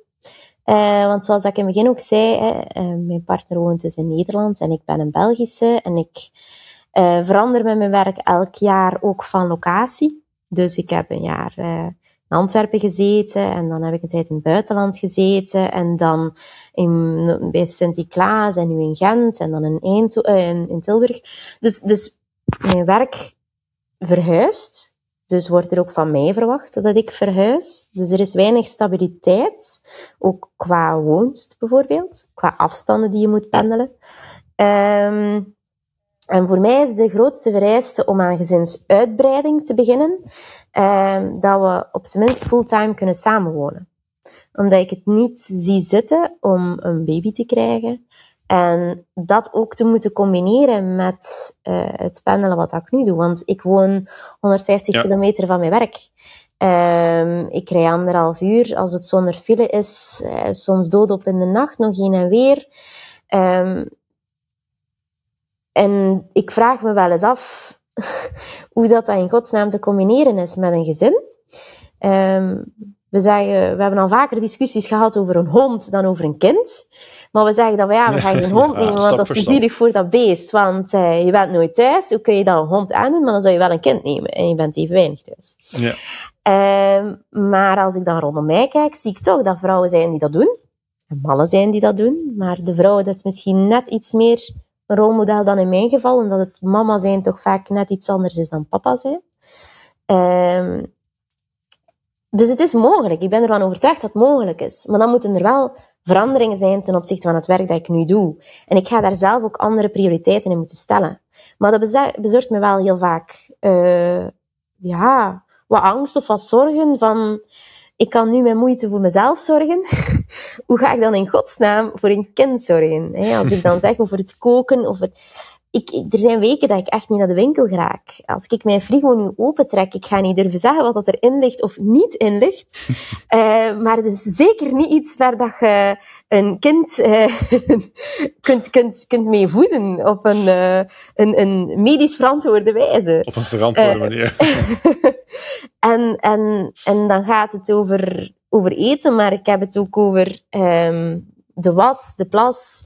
Um, ja, voor mezelf zit ik er niet zo mee in dat um, mijn huis niet gepoetst is. Um, of ik heb genoeg onderbroeken en kousen liggen dat ik een paar weken zonder te wassen door kan gaan.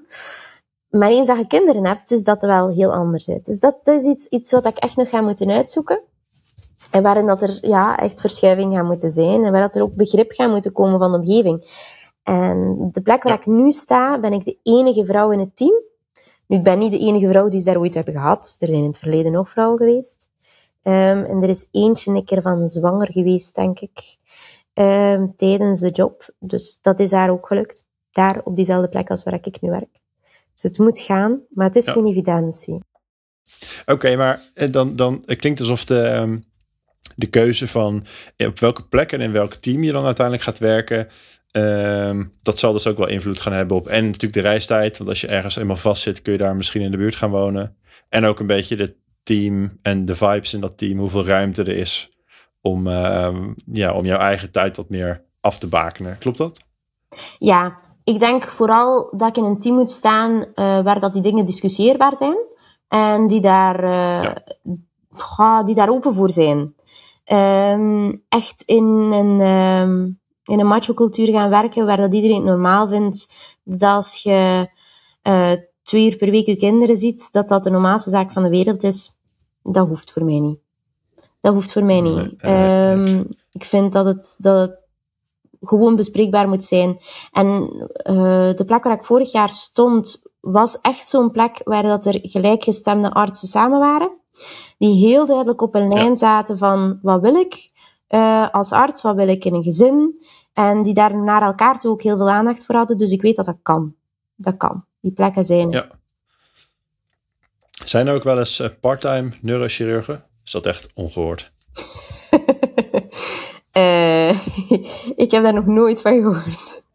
Maar wat ik wel al heb gehoord, dat is um, assistenten die... Ik heb één assistente geweten, maar dat was wel in Nederland, die het voorstel kreeg van de staf uh, om vier vijfde te, te doen, omdat zij net bevallen was. Dus zij had net een kindje gekregen en dan had ze haar voorgesteld van, ga, zou je geen vier vijfde werken, zodanig dat je één dag in de week kunt thuis zijn voor. En ze had eerst gezegd van, nee, nee, nee, dat gaat wel allemaal lukken. En die kwam dan na een aantal maanden wel terug van, ga, ik wil toch even op je voorstel terugkomen, want het is toch allemaal wel heel heftig en lastig en misschien zie ik wel zitten van.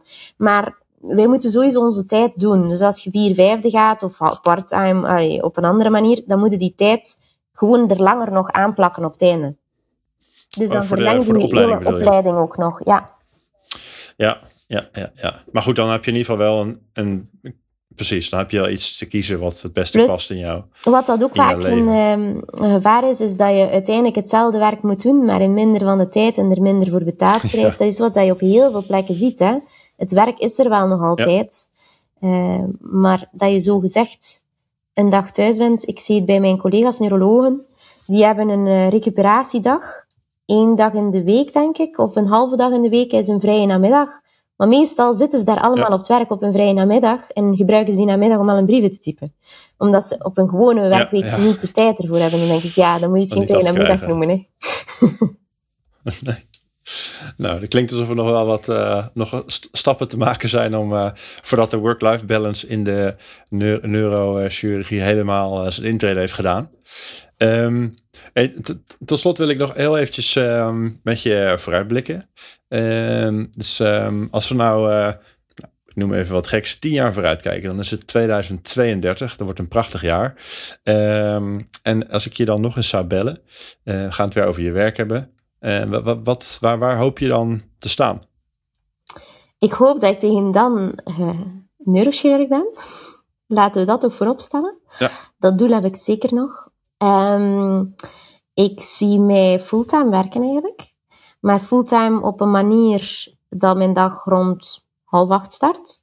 En meestal door de band genomen tegen zes uur mag eindigen. Um, ik hoop dat ik een praktijk mag hebben uitgebouwd um, waarbij dat mensen vertrouwen hebben in mijn technische capaciteiten. Ik moet niet per se professor zijn. Ik moet niet per se twintig artikels op mijn naam hebben staan. Maar wat dat voor mij het belangrijkste is, is dat ik een zekere naam heb in de omgeving van dat is iemand bij wie dat je terecht kan, die je probleem ter harte gaat nemen, uh, die een eerlijke mening gaat uiten en die vaardig technisch uh, voor een oplossing gaat zorgen. Ik hoop dat ik een gezin zou mogen hebben. Uh, in die zin, ja, ik hoop wel kindjes binnen tien jaar. Uh, ik weet niet of het België of Nederland wordt waar dat we wonen. Uh, ik hoop voor die tien jaar nog ergens is een, een reisje naar, ik bedoel geen reis, maar een jaar of, of iets langer in het buitenland hebben gezeten. Maar tegen dan misschien wel te zitten op een plek waar dat we definitief kunnen blijven. Wow.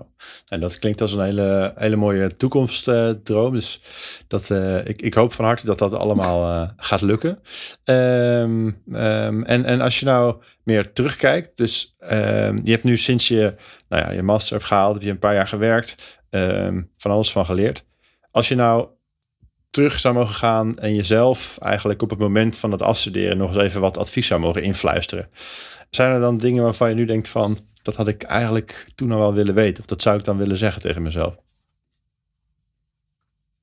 Ik wist vrij goed waaraan ik begon, maar ik was een te grote strever.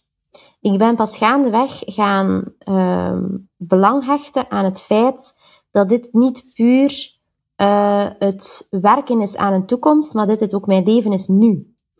En het wordt vaak gezien als ik heb er wel die zoveel jaar voor over dat ik geen leven heb om uiteindelijk te zijn wat ik wil zijn, namelijk neurochirurg. Maar het zijn wel een van onze mooiste jaren. Het zijn nu twintiger jaren, nu dertiger jaren. En uh, het is on the way dat ik voel van, ik wil niet over een jaar het gevoel hebben dat ik mijn familie, mijn vrienden niet heb gezien, dat ik niet heb gesport, dat ik geen uh, fijne dingen heb gedaan. Want dit is ook gewoon een jaar dat ik 29 ben en dat ik wil genieten van wat ik aan het doen ben.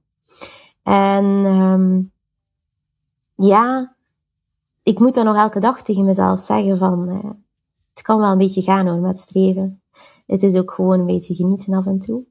Uh, maar dat, dat is ja. iets wat ik echt eigenlijk pas vorig jaar echt, echt ben gaan waarderen van uh, het hier en het nu en hoe hard ik gelukkig ben op dit moment is ook heel belangrijk. En het is het niet waard om heel ongelukkig te zijn uh, voor een streven binnen vier jaar. Dat klinkt als hele, wijze woorden. Um, en zie je dan je, je werk nu inderdaad, uh, omdat het zo lang studeren is, kan ik me voorstellen dat mensen het soms interpreteren als studie om dan later datgene mhm. te gaan doen wat ik wil. Um, maar volgens mij, ja, je gaf net ook wel aan dat wat je nu doet, dat dat wel eigenlijk al een heel mooi, mooi job is. Wat ik nu um, doe, doe ik heel graag. Ja, precies. Wat ik nu doe, doe ik heel graag. Is dat bewustzijn dan ontwikkeld? Ja, niet elke dag hoor. En er zijn momenten dat ik heel, heel ongelukkig ben of ben geweest op het werk. Uh, dat ga ik niet wegsteken. Uh, maar in C, de job die ik doe, want ik vind dat wel echt een job. Heel veel mensen hebben zoiets, ah, studeert nog, maar het voelt niet als studeren hoor. Je doet echt een job. En de patiënten die je zien, voor hun zijn jij ook hun of een dokter. En dat probeer ik ook te zijn. En dat is heel fijn. Dat is een hele mooie job. Ik heb er nog altijd geen spijt van. En dat zeg ik ook tegen jonge collega's die starten, stagiairs die komen en die soms uh, mijn afgepeigerd gezicht zien na een dag en mij al wel eens horen klagen over een of ander. En dan zeg ik altijd achteraan, maar ik heb nog altijd geen spijt hoor. Ik zou het altijd nog overdoen. Maar ik heb wel altijd heel goed geweten waaraan ik begon. En ik heb het geluk gehad dat mijn partner ook heel goed wist waaraan dat we begonnen voordat ik eraan begon. Ik heb hem van in het begin altijd ingeprent van het wordt een hele rit en een helse rit samen. Je mag nooit van mij verwachten dat ik de standaard vriendin ga zijn. Um, die, ik ga nooit iemand zijn die het eten klaar heeft staan op het moment dat je thuis komt en dat er was in de plas is gebeurd enzovoort. En ik ga moe zijn en ik ga lastig zijn en ik ga veel mee naar huis nemen. En hij wist dat en hij kan er nog altijd mee om. Kijk, wat een topper. Goed dat jullie dat, mooi dat jullie dat samen Ehm, zo uh, hebben kunnen aanpakken. En ook heel mooi om te horen dat je ja, je weg hebt gevonden in, het, in, in, in dit leven. En, en um, de, de weg naar de neurochirurgie toe om neurochirurg te worden. Maar ook dat de weg zelf al uh, je veel voldoening geeft. Um, ik vond het echt heel erg leuk om je te spreken. En ook fascinerend om een, om een blik te krijgen in die medische wereld. Die misschien voor veel mensen, in ieder geval voor mij, ja, toch een beetje gesloten is. Of waar je uh, weinig van af weet. Um, dus heel erg bedankt voor het delen van jouw ervaringen, van de, de, de plussen en de minnen. Dat geeft juist het, het eerlijke beeld waar ik ook naar op zoek ben. Um, en um, nou ja, dan hoop ik je heel graag uh, over tien jaar weer te spreken voor de vervolgsessie met, uh, met, met schreeuwende kinderen op de achtergrond. maar dat doen we dan in 2032. Voilà, oké, okay, afgesproken. Bedankt voor het luisteren naar deze aflevering van Werk, Werk, Werk. De podcast over het werkende leven. Op de website werkwerkwerkpodcast.nl vind je een samenvatting en links naar bronnen uit dit gesprek. Ook kun je je daar aanmelden voor de nieuwsbrief, zodat je nooit een aflevering hoeft te missen. Daarnaast hoor ik heel graag wat je van deze aflevering vindt en wie ik nog meer zou moeten spreken. Laat het me weten in een review in je favoriete podcast-app of stuur een berichtje via de website werkwerkwerkpodcast.nl. Dankjewel.